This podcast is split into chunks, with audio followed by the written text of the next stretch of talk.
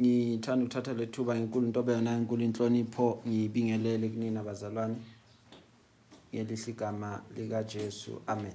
Amen. siyabonga ukuthi even 2023 uNkulunkulu useuNkulunkulu uvumile ukuthi sibe khona namhlanje. Ngaphandle kokuba ngichithe isikhathi yebazalwane ngithanda ukubingelela eh kumkami ngibingelele kubazalwane bonke abadala nabancane ngelihle igama likaJesu abaphakathi kwethu bazalwane. Amen. Amen. ngibingelele nakusonto sikole ngelihle igama lenkosi yethu Jesu. Amen yebazalwane siyambonga ubaba uNkulunkulu ngokuthi namhlanje aphinda avule elinye ithuba lokuba sizohlephulelana isinkwa yebazalwane haleluya sizothi osukwini namhlanje uNkulunkulu usemsebenzini. God is at work. Haleluya u2023 ezasaqalile aqhubeka engifuna ukwazi ukubambe ukuqonde ukuthi uNkulunkulu is at work and I will give you okuncane ukuba ukubona ukuthi uNkulunkulu usemsebenzini and usebenza kanjani. Haleluya uma sikhuleka eh siqala unyaka kukhona izinto inkosi ezikhulumayo. So okunye i believe ukuthi it will be part of what i will be sharing namhlanje. Hence umyalezo wokuqala onyaka uthi uNkulunkulu usemsebenzini. Cela emabhayibhelini ethu sivule incwadi ngokaLuke chapter 4 amaverse mabili u18 and verse 19 siyabulisa to even abazalwane abasibukelayo online sibulise kubazalwane abalalela ama audio esibathumelela wona ngelihle igama lenkosi Amen. uNkulunkulu yebazalwane usemsebenzini and uh, you need to see you need to note you need to, to ukuthi uqaphe uqaphele lokho ukuthi uNkulunkulu is at work. Kukhona lokhu usimakade akwenzayo kukhona lokhu uNkulunkulu abhizi ngako why? Because uNkulunkulu always akathuli yebazalwane. God is always at work. Ikhona lento uNkulunkulu ayenzayo. Ikhona lento uNkulunkulu asuke ayihlanganise. Makabongwe Jesu. Amen. ngicela oyiphethe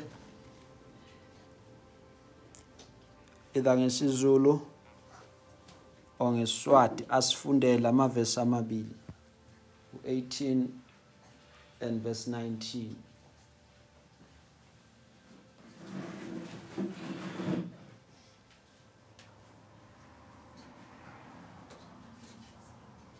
Luke chapter 4 verses 18 and verse 19 Luke 4 verse 18 4 oh. Luke 4 verse 18 Umoya wenkosi ukimi ngobe ungigcobile ukuthi ngishumayele izindzaba letimnanzi et- etimphuyeni ungivumile ukuthi ngimemetele inkululeko kulabathunjiwe nekuvula emehlo etimphumputheni nekukhulula labacindzetelekile 19 ngimemete ngimemetele um, umnyaka inkosi letokukhombisa umusa wayo ngayo. Amen bazalwane. Amen. ngicela oyiphethe ngesizulu asifundele uverse 19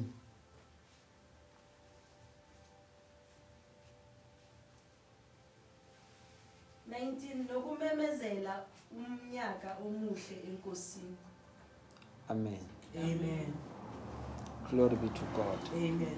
eh babudlamini ngicela ungifundele yona ngesilungu Luke chapter 4, verse 18 and 19. The Spirit of the Lord is on me, because He has anointed me to, proclaim, to proclaim good news to the poor. He has sent me to proclaim freedom for the prisoners and recovery of sight for the blind, to set the oppressed free, to pro- proclaim the year of the Lord's favor. amen Amen.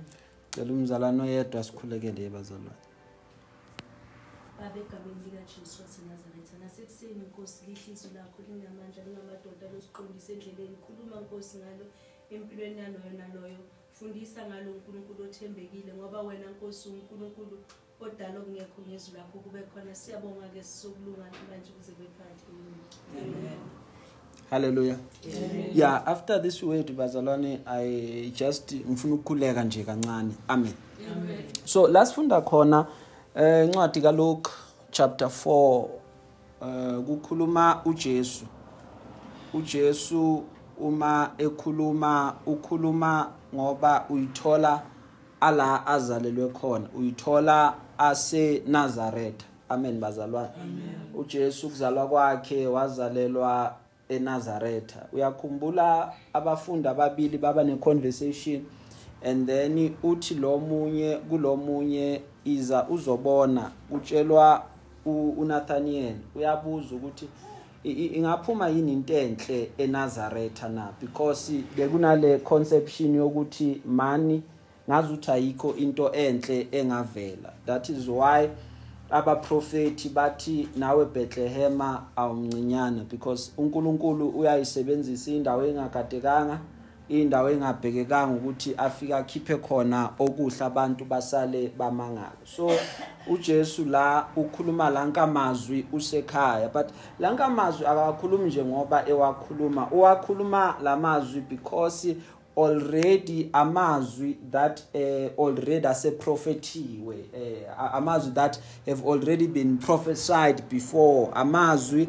uh, akhulunywa encwadini kaIsaiah uchapter u61 ukuthi umoya wenkosi uphezulu kwami. So during that time uma bedibane emasinagogweni bebakade bahlale and then kube khona umuntu ozovula iscroll bese uyafunda. So most of izinto abebakade bayilandela amazwi that have been set by abaprofeti so i- uma umprofeti asho izwi then bokuyizwe abahlala kulona abameditate kulona baphile ngalo benze lona. And then uma sebenze lokhu umprofeti akushilo then bekuzothiwa they are in line with lokhu uNkulunkulu alindele ukuba kwenzeke. Why? Because balandela izwi that has been spoken by ubani? Umprofeti amen yabazalwane. Now uma uma ulandela izwi that that has been prophesied or izwi elikhulunyiwe umprofeti uzo understand ukuthi umprofeti akakhulumi ngoba ekhuluma akakhulumi ngoba ethanda but ukhuluma ngoba kukhona lo akhuluma kuyena.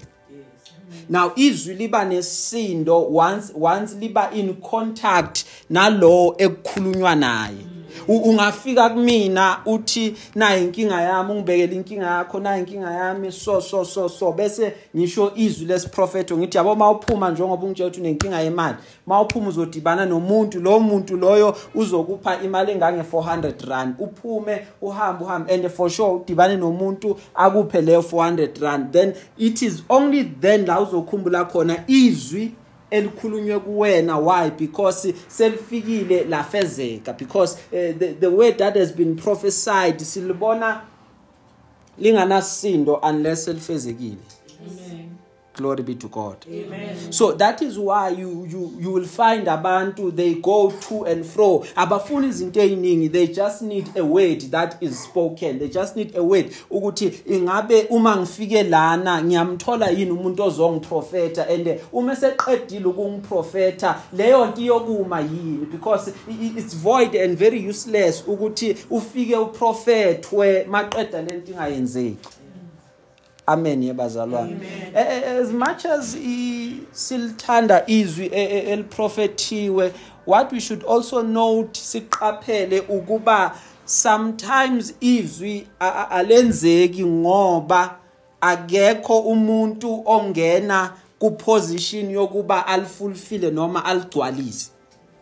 Fanele ukuthi kube khona umuntu ozongena endaweni bese aligcwalisa lelo zwi uthi uNkulunkulu uma ekhuluma ngafuna umuntu ozongena esikhaleni angifumananga umuntu mind you if bekunomuntu ozongena esikhaleni the prophecy bekade izogcwaliseka. Uma uMose e- e- ezodibana nesihlahla esivuthayo kumele ahamba ayokhula abantwana bakwaIsrael kube wathi uNkulunkulu angiyi. Bengeke athathwe njengomunye owumprofeti omkhulu osize ukukhulula uIsrayeli. Amen. Uma uKristu kwafika kuyena because kwafika isikhathi esinzima lapha eGetsemane uthi uKristu uma ekhuluma baba umoya uyavuma. But i have one problem. Ukuba inyama ibuthakathaka. Maqeda athi inkosi if kungenzeka kudlule lesi sitsha maqeda athi hayi ngoba ngithanda but ngoba uthanda wena. The, the there's a time la basentabeni on the mount of uh, transfiguration. Uma belapha entabeni unabafundi abafundi babona naba abaprofeti behlile bazomqinisa ngoba the journey ukuthi i undertake ayikho lula. If wathi mina ngisaqhubeki nalento kube asindiswanga. That is why into engifuna ukukuvezela yona ukuthi unless umuntu angena esikhaleni kunezinto noma singaprofeta sikutshela ukuthi 2023 unyaka omuhle wakho lo unless ungena to the position ube positioned ukuthi let me take action let me ngenza izinto ngendlela ehlukile. Ziningi izinto engezize zaguquka kuwena. Amen. Amen. I don't want us to look at unyaka ukuthi na uyaqala okay ku right vele most of us ma mawuqala sinamandla sinamafulufulu wokuthi hayi ngiyenza lo ngenze lo nge- eh kuyaye kube right but ngifuna ukuthi lo nyaka uma siubuka ebazalwane sibuke nanga nangokuthi kunezinto eseyingaguquka even noma sophakathi kunezinto ongazenza zibe zinhle kuwena noma usuyophela u2023 it does not mean ukuthi uma eh, uma uhluleke ekuqaleni ukwenza okuthila akusakuphinde kwenzeke. Haleluya Amen. omunye uthe makhuluma wathi eh lo nyaka sewumosheke kakhulu ngabo my 3 bengiyimisele ukuthi ngiyojoina igym. Sengizobuye ngibone next year. Unyaka uqeda uqala mara already seka postpone postpone eli next year. Hallelujah. So i don't want us ukuthi sibe naleyo mentality but ngifuna ukuthi sazi ukuthi izinto zisengaguquka at any given time. Hallelujah. Amen. glory be to god. Amen. so izwi liyakhuluma ke yebazalwane ngifuna ukuthi si silithole lapha bese siyalifunda. Ngifuna nje ukuthi vele sehle nalo yabo singajahi. Because ngifuna ukuthi sibone kuloku mhlambe lo 20 minutes bese siyahlukana. Amen. Amen. cela ningifundeleni uverse 18 before nimfunda nayi le ndaba ke before nimfunda bazalwane. uJesu ufika uthatha iscroll bayamnikeza esinagogweni. Uma esithatha le scroll uyasivula bathi akasifunde. Uma esifunda iscroll kunento ebesiyatholakala. Itholakala ukuthi lento ayikhulumayo uyena kanye umuntu okubhalwe ngaye lento ayifundayo. Glory be to god. Amen. yinto eyenza ukuthi lankamazwi esizowafunda manje abe ne-impact enkulu because they see ukuthi oh loku umprofeti uIsaiah wakukhuluma. Ubekade engakhulumi kunoma ngawubani ubekade ekukhuluma kuyena lo muntu. Glory be to god. Amen. si ngicela nisifundeleni bazalwane verse 18 and uma uma ufunda ne kufanele ube namakhoma. La kunekhoma khona na ube nekhoma amen Amen. yeah so verse 18 umoya wenkosi ukini hallelujah Amen. umoya wenkosi ukubani Ukimi. umoya wenkosi ukubani Ukimi. uNkulunkulu a- akenzi lutho ngaphandle komoya wakhe. Uma ekugcoba uma engigcoba umuntu umgcoba because uzokhipha uzorelease umoya wakhe. Makabongwe Jesu. Amen. loyo moya wakhe iwona efanele ukuthi bese uyasebenza. That is why uma ekhuluma athi umoya wenkosi uphezulu kwami umoya wenkosi ukimi ngicela uqhubeke make dlamini. Ngoba ungigcobile ukuthi ngishumayele tindzaba letimnanzi etiphuyeni haleluya amen. Because ungcobile ukushumayela indaba ezimnandi kulabo okufike isikhathi senhlupheko phezukwabo kunezinto la uJesu akhuluma ngazo ngithi izinhlanu lezi zinto. Isono esithi uma sifika bese siyazenza empilweni yomuntu. Okokuqala uma kufika isono sifika senza umuntu ahlupheke. Uma umuntu ahlupheka lithi iBhayibheli uthi uJesu mekhuluma ngize kulabo abahluphekayo ukuthi ngizobashumayeza indaba ezimnandi. So every time uma kufike isikhathi seyinkinga seyinkathazo seyinhlupheko phezu kwempilo yomuntu into eyayimkhulule izukuthi azwe indaba ezimnandi ukuthi kukhona i-change that is coming. Maqeda bese umoya wakhe uba revived. Why? Because sekunoshintsho alibonayo la- lolu aphinde futhi al-anticipateayo why? Because lolo shintsho uyabona ukuthi luzosiguqula isimo sakhe. Kufana nomuntu othi anganako okuningi ahamba yodlala ilotho athi uma eqeda ukudlala ilotho athatha ithikithi athi uthi uyabheka hawu nazi inamba zami zaphuma nayi inamba yami yaphuma nayi inamba yami yaphuma athi uthi uyabheka ungene nga-five numbers bese uyajabula athi wow yaphela inhlupheko yami. Okusho ukuthi manje sengizofeza ini amaphupho ami. Why? Because into esengiyitholile is nothing but good news. I have received good news. That is why ujesu athi ngibizela ukuthi ngizoshumayela indaba ezinhle kulabo abampofu. Why? Because into abayidinga kakhulu yilezo indaba ezinhle. Glory be to god. Amen. Makabongwe jesu. Amen. Now lithi ke iBhayibheli umoya wenkosi u- ungcobile the spirit of the lord has anointed me. Uma sikhuluma about i- i-anointing about ugcobo bazalwane obekuyaye kwenzeke ukuba dala. Uma umuntu ezoqala ayosebenza more especially ayosebenzela inkosi bekuphuma umpriest bephuma umprofeti athathe amafutha agcobe ikhanda lakhe. Haleluya Amen.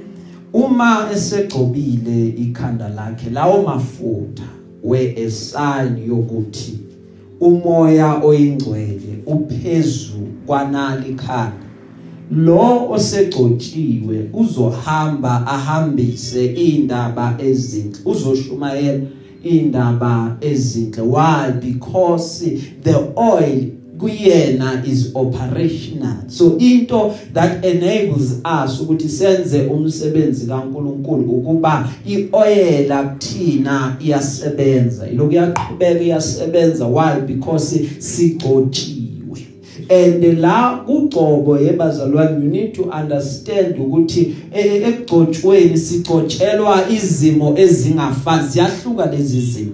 Ku- kunento uma uunderstand ubizo lwakho uzo understand ukuthi kusho ukuthi uNkulunkulu mina wangicobela nako. Awuhlali kokunye wenza ukuthi uhlala kuloko ogcotshelwe kona kuphela. Haleluya Amen. amen yebazalwane Amen. qhubeka ke make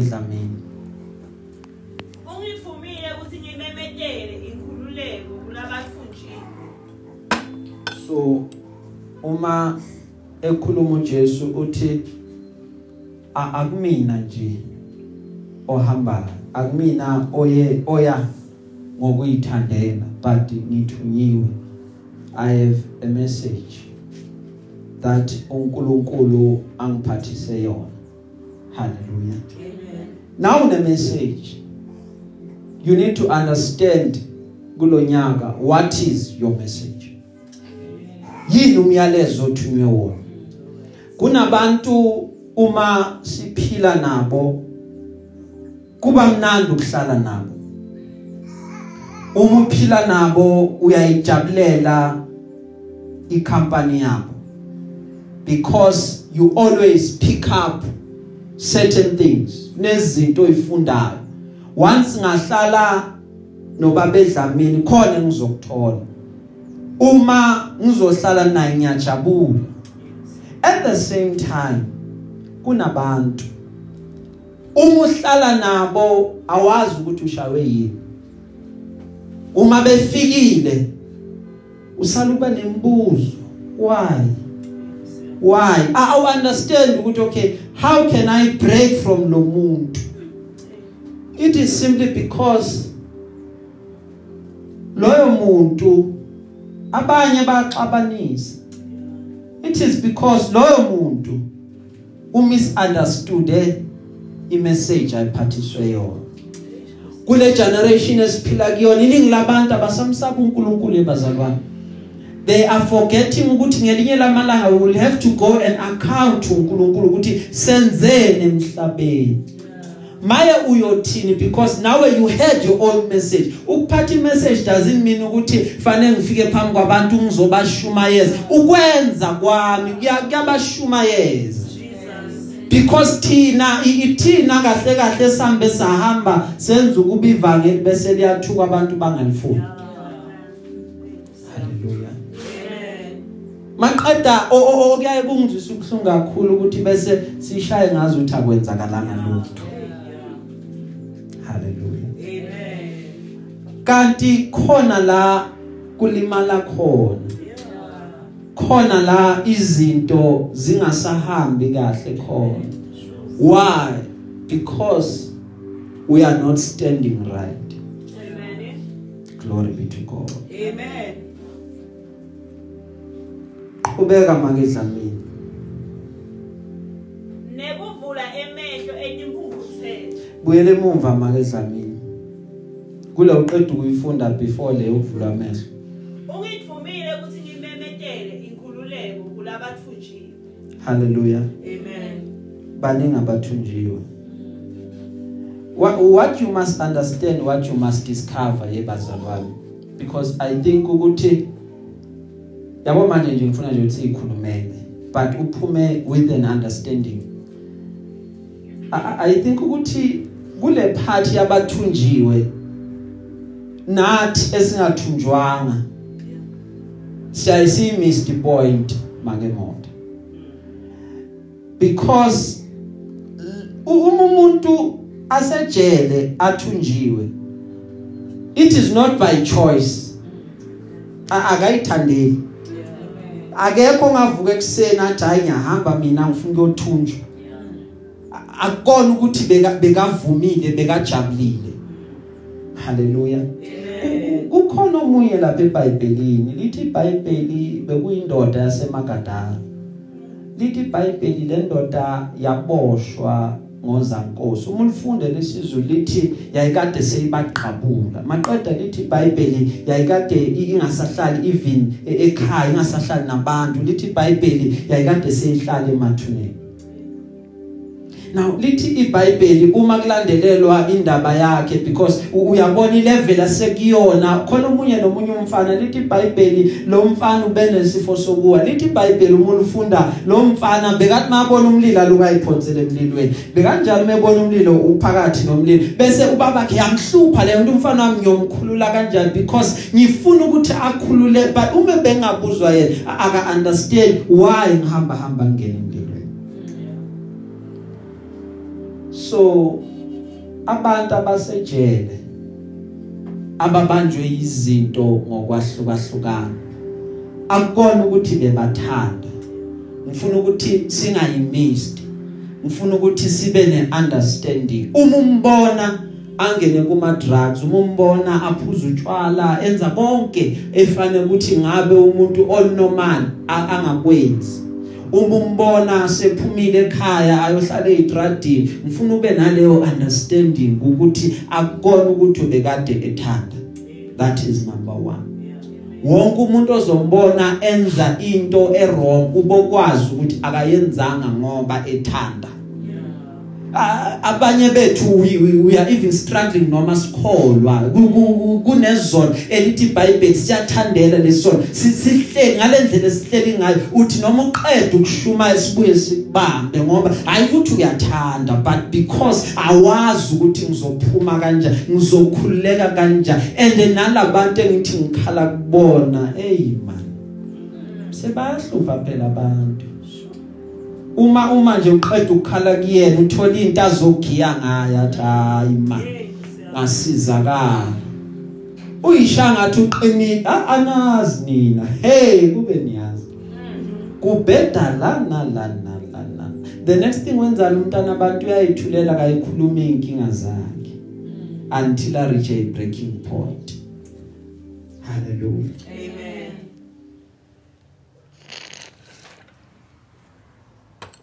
The word of the lord. Uthi uJesu nizomemezela ukukhululwa kulabo bathunjiweyo hallelujah. Amen. into esibizelwe yona umoya wenkosi ophezulu kwethu kumele ukuthi siyobakhulula bonke laba bathunjiweyo bangathandi benjalo bengafuni benjalo bangamkeli usizo benjalo but we need to go siyobakhulula. Hallelujah. So that bazokhululeka ezithiweni zalokuphila bese babophezeleka kuKristu babe isigqila sevangeli. Makabongwe Jesu. So uNkulunkulu has anointed us ukuthi uma sifikile kulawo matilongo uma sifikile kulezo ibopho uma simemezela igama laka Jesu elikwazi ukukhulula maqeda bese onke amaketanga ayakhululeka bese yonke iminyango yejele iyavuleka bese bonke ababoshiwe bayakhululeka it is in us glory be to God Amen. Ngifuna ukuthi ungathandaza umthandazo lo wakho oselfish Yeah. ukuthi mina mina mina mina mina mina. Ubakhulekele nalabo ababanjwe izinto. Hallelujah. Because into esibizelwe ukuthi sibawine ngothando. But if if uthanda abaniboni kuthina bayozuzeka kanjani. Amen. glory be to God. Amen. qhubeka ke make dlamini Ungivumile ukuthi ngimemetele inkululeko kulabathunjiwe. Yes. Hallelujah. Nekukhulula okay make dlamini makancane. So kumele ukuthi kuvuleke amehlo eimpumputheni impumputhe sinazo kuloku kuphila zimbili. Amen. Amen. kunempumputhe evele nje amehlo wayo ayiboni. Kulula ukuthi uyibone leyo mpumputhe uzoyibona ngoba ihlala ifaka ama specs adimile mayihamba iphathe induku. Le nduku le iyasensa ukuthi ngabe angishayisi izinto ngaba ngishayisa abantu. Kwesinye isikhathi iyayihambe nenja lenja le baya communicate nayo then inja ikhomba indlela. Impumputhe yokuqala le wonke umuntu uyayibona. Amen. Amen. kube khona impumputhe yesibili. Inkinga yayo ukuthi ayibonakali impumputhe ngoba inamehlo njengawe iyabuka njengawe. Yazi uyibona nini kuphi futhi? Uyibona uma uqala uthi uyayibonisa bese ingaboni lento uyibonisa yona. Lento kuyenzeka ibonwe yiwona wonke omunye umuntu. Yena angayiboni. Kube uye kuphela nje futhi. Angayiboni. Bonke bamtshela kunje ku hayi. Ninomona nini? Andifuni ukungibona ngiphumelela impumputhe ke le ayiboni. Haleluya so what is needed? Because kukhona ama advice yebazalwane esiyowakhuluma imilomo yethu ize ibe bovu. Because kulabo esikhuluma kubona abezwe Yeah. haleluya Amen.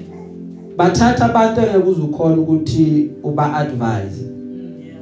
because amehlabo asuke avalekile Yeah. haleluya la eAfrika bawu3 amen yabazalwane Amen. ngizokubalela bona ngelinye ilanga Okay. uthi inkosi ngithumile ukuba ngizo memezela ukuthi laba bangaboni amehlaba wavuleke maqeda bese bayabona.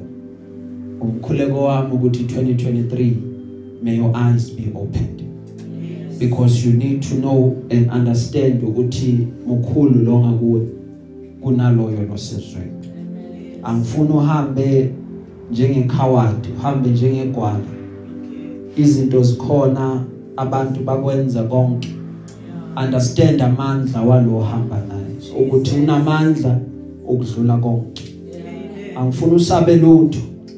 Wazi ukuthi ukhona ungumalusi wakho. Endleleni yonke uyakuhola. Glory be to god. Amehla akho kwangazuthi angavuleka noma bokade ungaboni ngicele baba siza mina ungivula amehlo. La mehla amavaleke khona wavule inkosi because i want to see. Because once you begin to see you will understand izinto. Angeke ugcine ucabangeleni la iduzana njengaloyo wakhulekelwa khulukelwa umprofeti wathi umprofeti inkosi imvula amehlo so that abone ukuthi baningi labangakithi kunalabo abayeze la bazosihlasela your eyes need to be opened. Glory be to god. Every encounter everything oyithola kuyona every meeting ozofika ube kuyona amehlakha wavuleka uma engavulekanga. Chances are uzozithola usenkingeni. Glory be to god. Ubeka ke manje dlamini. Nekukhulula labacinzelekile so it, it- it does happen ukuthi umuntu azithole abambekile ayithole acindezelekile. Amen. Amen. ucindezeleka nini? Ucindezeleka la uyithola wenza into ongayifuni. Akubona ukuthi ngiyayifuna but sengiyenza ngoba naku sengiyenza. Ngoba ngithe kuwena mangiqala ngathi isono senza okuningi emntwini. Uma kufika isono kumuntu siyafika simenze ukuthi ayithole aqindezelekile glory be to god. Amen. isono siyamkhipha umuntu ebusuku sithi akuphumele ngaphandle uyogcwalisa mina uyogcwalisa injabulo yami. Maqeda bese uyabuya. Akiyeke konke akushiye konke ashiye icomfort yengubo eshisayo. Aye ngaphandle to fulfill isono uma sebuya ubuya ngokuthi i fulfilled lesi sono akubona ukuthi ufuna ukwenza izinto eziningi. It is simply because unengcindezi. Acabanga ukuthi i am overcoming. Kanti he keeps on feeding and feeding emgodini ongagcwala that is why athi uJesu ngize la ukuzokhulula nalabo abayithola bacindezekile laba bayithola baseyimeni efanele ukuthi ngaba bekho kuzona abaswele ukuthi bayophuma kanjani. Ngami bazokhululeka. Glory be to god. Amen. hallelujah. Amen. qeda ke manje dlamini.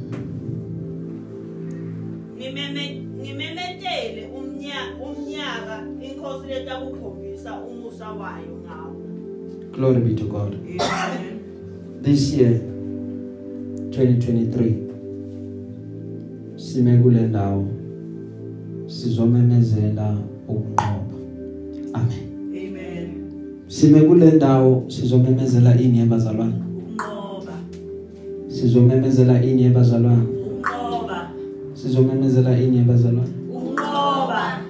sikule ndawo sizomemezela unyaka omuhle wenkosi. Sikule ndawo sizomemezela unyaka la inkosi izobonisa khona umusa wayo. Asazi ukuthi ezunyaka uqala ubukane nani? We don't know we don't understand.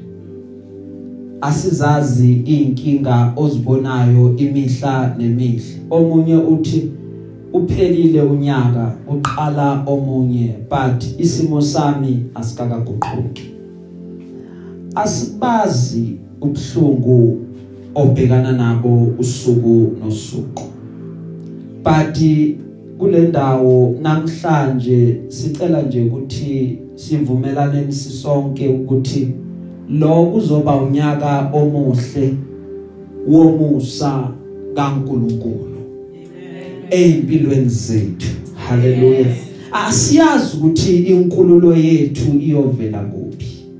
Asiyazi ukuthi inkululo yethu iyoqhamuka ngabani. But kulonyaka simye la sizomemezela ukuthi unyaka lo wokukhunjulwa amazulu. Sikule ndawo sizomemezela ukuthi lo unyaka wokhanjela sikule ndawo nje sizomemezela ukuthi unyaka lo la inkosi ibuka ngakuthina khona. Sikule ndawo sizomemezela ukuthi unyaka lo la inkosi isusa khona uhlazo lwethu. Sikule ndawo sizomemezela ukuthi unyaka lo la uNkulunkulu enza ukuthi lo bekade ehlekwa abantu angaphinda ehlekwa abantu sikule ndawo sizomemezela ukuthi unyaka wokuphakanyiswa kwethu. Sikule ndawo sizomemezela ukuthi unyaka wokunqamuka kwazona zonke izibopha i don't care ukuthi iqhamuke phi ziqhamuka ngabani. I don't care ukuthi namanje basaplana basaplota ini but sikhona kule ndawo sizomemezela ukuthi amakhanda ethu ayaphakama. La usigcine khona last year this year angeke uzusithole khona. Why? Because uNkulunkulu sekawaphendulile amatafula. Why? Because uNkulunkulu seyiguqulile zonke izimo wena bawucabanga ukuthi ngiyohlala ngiphansi wena bawucabanga ukuthi ngiyohlala njalo ngicela ngihlupheka but namhlanje ngizomemezela ukuthi uNkulunkulu uyayiguqula indaba yami namhlanje ngiyathathwa nami ngiyohlaliswa namakhosi Amen. Jesus. glory be to God Amen. uma uma uJesu afika sesigcina ebazalwane ukufika ekhaya kubo la lazalwa khona eh uthola u- uma efika uyabathola abantu uyabashumayeza. Lapha ku hometown yakhe nabanye abafundi vele ukumlalela which is fine. But into eyayenza uJesu ukuthi aye ku hometown yakhe wazi bekade that year awafika ngayo uJesu kuloyo nyaka bekade kuunyaka wejubile haleluya njengoba kuunyaka wejubili bekade uJesu kumele ukuthi aye to his hometown. Uma efika ku hometown yakhe azomemezela unyaka omuhle wenkosi. Glory be to god. Unyaka siuqala it is important to know ukuthi wona unazandla. Akukho ozosiphathela bona vele. Haleluya but it is very important ukuthi wena uproclaime ini kulowo nyaka. It is important ukuthi wena uthi unyaka wani kuwena lo. Haleluya kuneyinkinga zaleminye iminyaka ebekade ziloku zikwehlela ezinye zazo kukuwena ukuthi uyafuna yini ukuqhubeka nazo noma ufuna ukuba zinqamuke ezinye zazo ayidinge umprofeti but zidinga wena. Ukuthi wena bese uba umprofeti phezulu kwempilo yakho. Uthi wabona amathambo amhlophe but ufike kuwona maqeda bese ukhuluma ukuphila lo bekade kuunyaka wejubili kuunyaka okujabula kuunyaka la yonke into ishintsha khona. Ngoba yebazalwane kuTestamente elidala unyaka wejubili bekade kuunyaka la i- i- ilokhuza iboshwa zikhululwa khona la ikwelede zibhadalwa khona la izinto zithathwa khona zibuyiselwe to a new start. Kuyisikhathi la kuthiwa siqala khona kabusha. So ngizosho lokho nami kuwena namhlanje ukuthi ungaqala kabusha. Glory be to god. Amen. you can start anew. Kubizani uqala kabusha?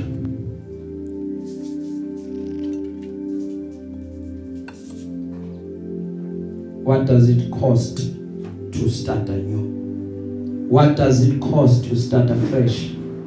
What is to start afresh? Empilweni yakho.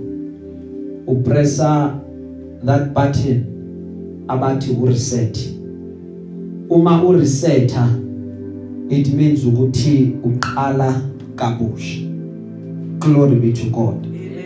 Wonke umuntu uyayi understand yabo ngenzeka indaba ka reset singayi understand but wonke umuntu uyak understand uqala kabusha.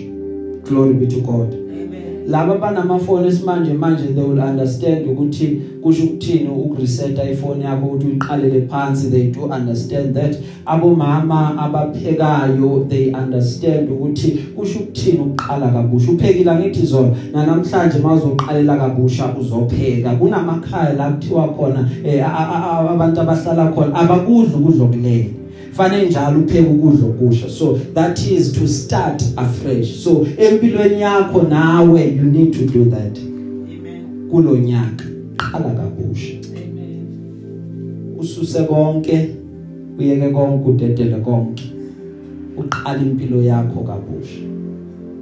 Kubizani uqala kabusha sesigcina ngithe kuwena masiqala ngathi uNkulunkulu is at work uyasebenza. Ngizothi kuwena manje sesiyagcina qala kabusha. What does it cost to start afresh? Kubiza into eyodwa. One thing. Hamba uzivalela ekamereni. Mawuqeda ukuzivalela ekamereni maqeda ube nehonest ube neqiniso kuwena ukuthi la nginokuthakathaka la ngenzi kahle la kunje la kunje la kunje. Mawuqeda bese ucela uNkulunkulu ukuthi akusize eindaweni la unokuthakathaka khona. Haleluya Amen. akekho ongathi angazi ukuthi ukuthakathaka bami bukuphi. Uma ekhona othi angazi ukuthi ukuthakathaka bami bukuphi ngoba udinga usizo and uthi angazi ukuthi bukuphi. Ilula lula lento. Iyakulokujwayele ufika umcele mawubona ngazi ukuthi makakutshela direct uzobuya kulimaza umcela akubhalele ephepheni. Yonke into nokuthakathaka kuyona ayibonayo. Umtshela ngicela nje ube honest. Ayengazi ngakwatela ngoba i ngifuna ukulungisa mina. Ukuze kulunge mina fanele ngibe neqiniso kumina. If anginaqiniso kumina ayikho into ezolunga. Why? Ngifuna ukuthi kulunge wena. It is because ngisaba ukuthi 2023 uzoqhubeka ube no 2022 ophindeka times 2 Amen. because lokho kwenzekile last year kuzophinda na this year. Uma bekade uphatha abantu kabi na this year uzoqhubeka ubaphathe kabi ngoba ayikho into elungisiwe. That is why if you want change Yeah. if you want to khula kufanele ukuthi ube ne honest way. Let me be honest to myself. La ngiyahluleka. Bazalwane uNkulunkulu uyawuza umkhuleko womuntu ohlulekayo. uNkulunkulu uyawuza umkhuleko womuntu ohlulekayo. Uyabathanda laba bathi inkosi ngiyahluleka. Anginawo amandla ngipha amandla uzokupha amandla lothi ngiyawazi nginamandla mina Yeah. uNkulunkulu akasebenze ngayo Yeah. That is why uGidon uma ezokhetha amabutho azoyempini uthi uNkulunkulu phungula labantu baningi kakhulu. Ngobani ngoba uma bebaningi bazoyempini bayolwa banqobe bazobona oh siwine ngoba bekade sibaningi. But uma babancane kuzobonakala ukuthi hayi bazohlula bazohlula bazohlula maqeda bese uJehova uyabanqobela leyo maqeda ubanqobela bese udumo lonke luya kuJehova bese basho ukuthi uma uNkulunkulu ebengenathi ngabe asikwazanga ukuyinqoba leyampi ngoba ngokuyibuka kwe besiyohlule but amandla kaNkuluNkulu wafika wayinqoba izitha zethu. Uyabathanda abahlulekayo. Glory be to God. Amen. ngifuna ukuthi uvume baba ngiyahluleka. Yeah. ngisize la nala nala then okunye sesingaqhubeka nakho. Glory be to God. Amen. ngoba kuyosizana yebazalwane siqhubeke sihamba indlela ende kanti cha bo still we are preaching to the same abantu abangaguqulanga ingqondo nokucabanga kwabo Yes. that's why uPaul athi ngiyancenga ebazalwane ngobele baNkulunkulu kuba zenziwe zibe zintsha ingqondo zenu asiyeni sopressa lo reset button Yeah. simpress nje ngo- ngokweqiniso simpress baba sifuna ukuqala kabusha sifuna ukwenza kabusha asenze nalonyaka ukuthi manje uJanuary sesenzela thina Yeah. Ukuthi ngalo yanyaka khona ushintshe engalwenza ngalibona empilweni yami. Glory be to God. Amen. cela sivaleni amehlo ethu. I want to say a short prayer.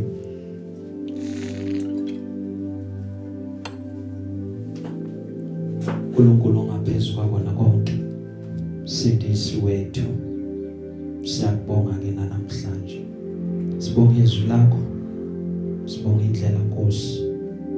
Osifundisa nosiqondisa nosiyala ngayo nali bandla lakho siyalikhulekela baba naba abantwana bakho you have spoken.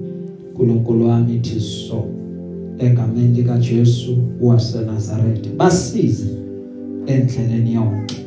Father God Almighty besayompress our reset button.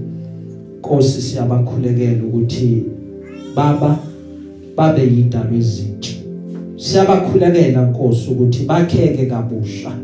Egameni linamandla lenkosi yethu Jesu waseNazaretha siyakhuleka simakade ukuthi baze bangabi nerepeat yonyaka odlulile.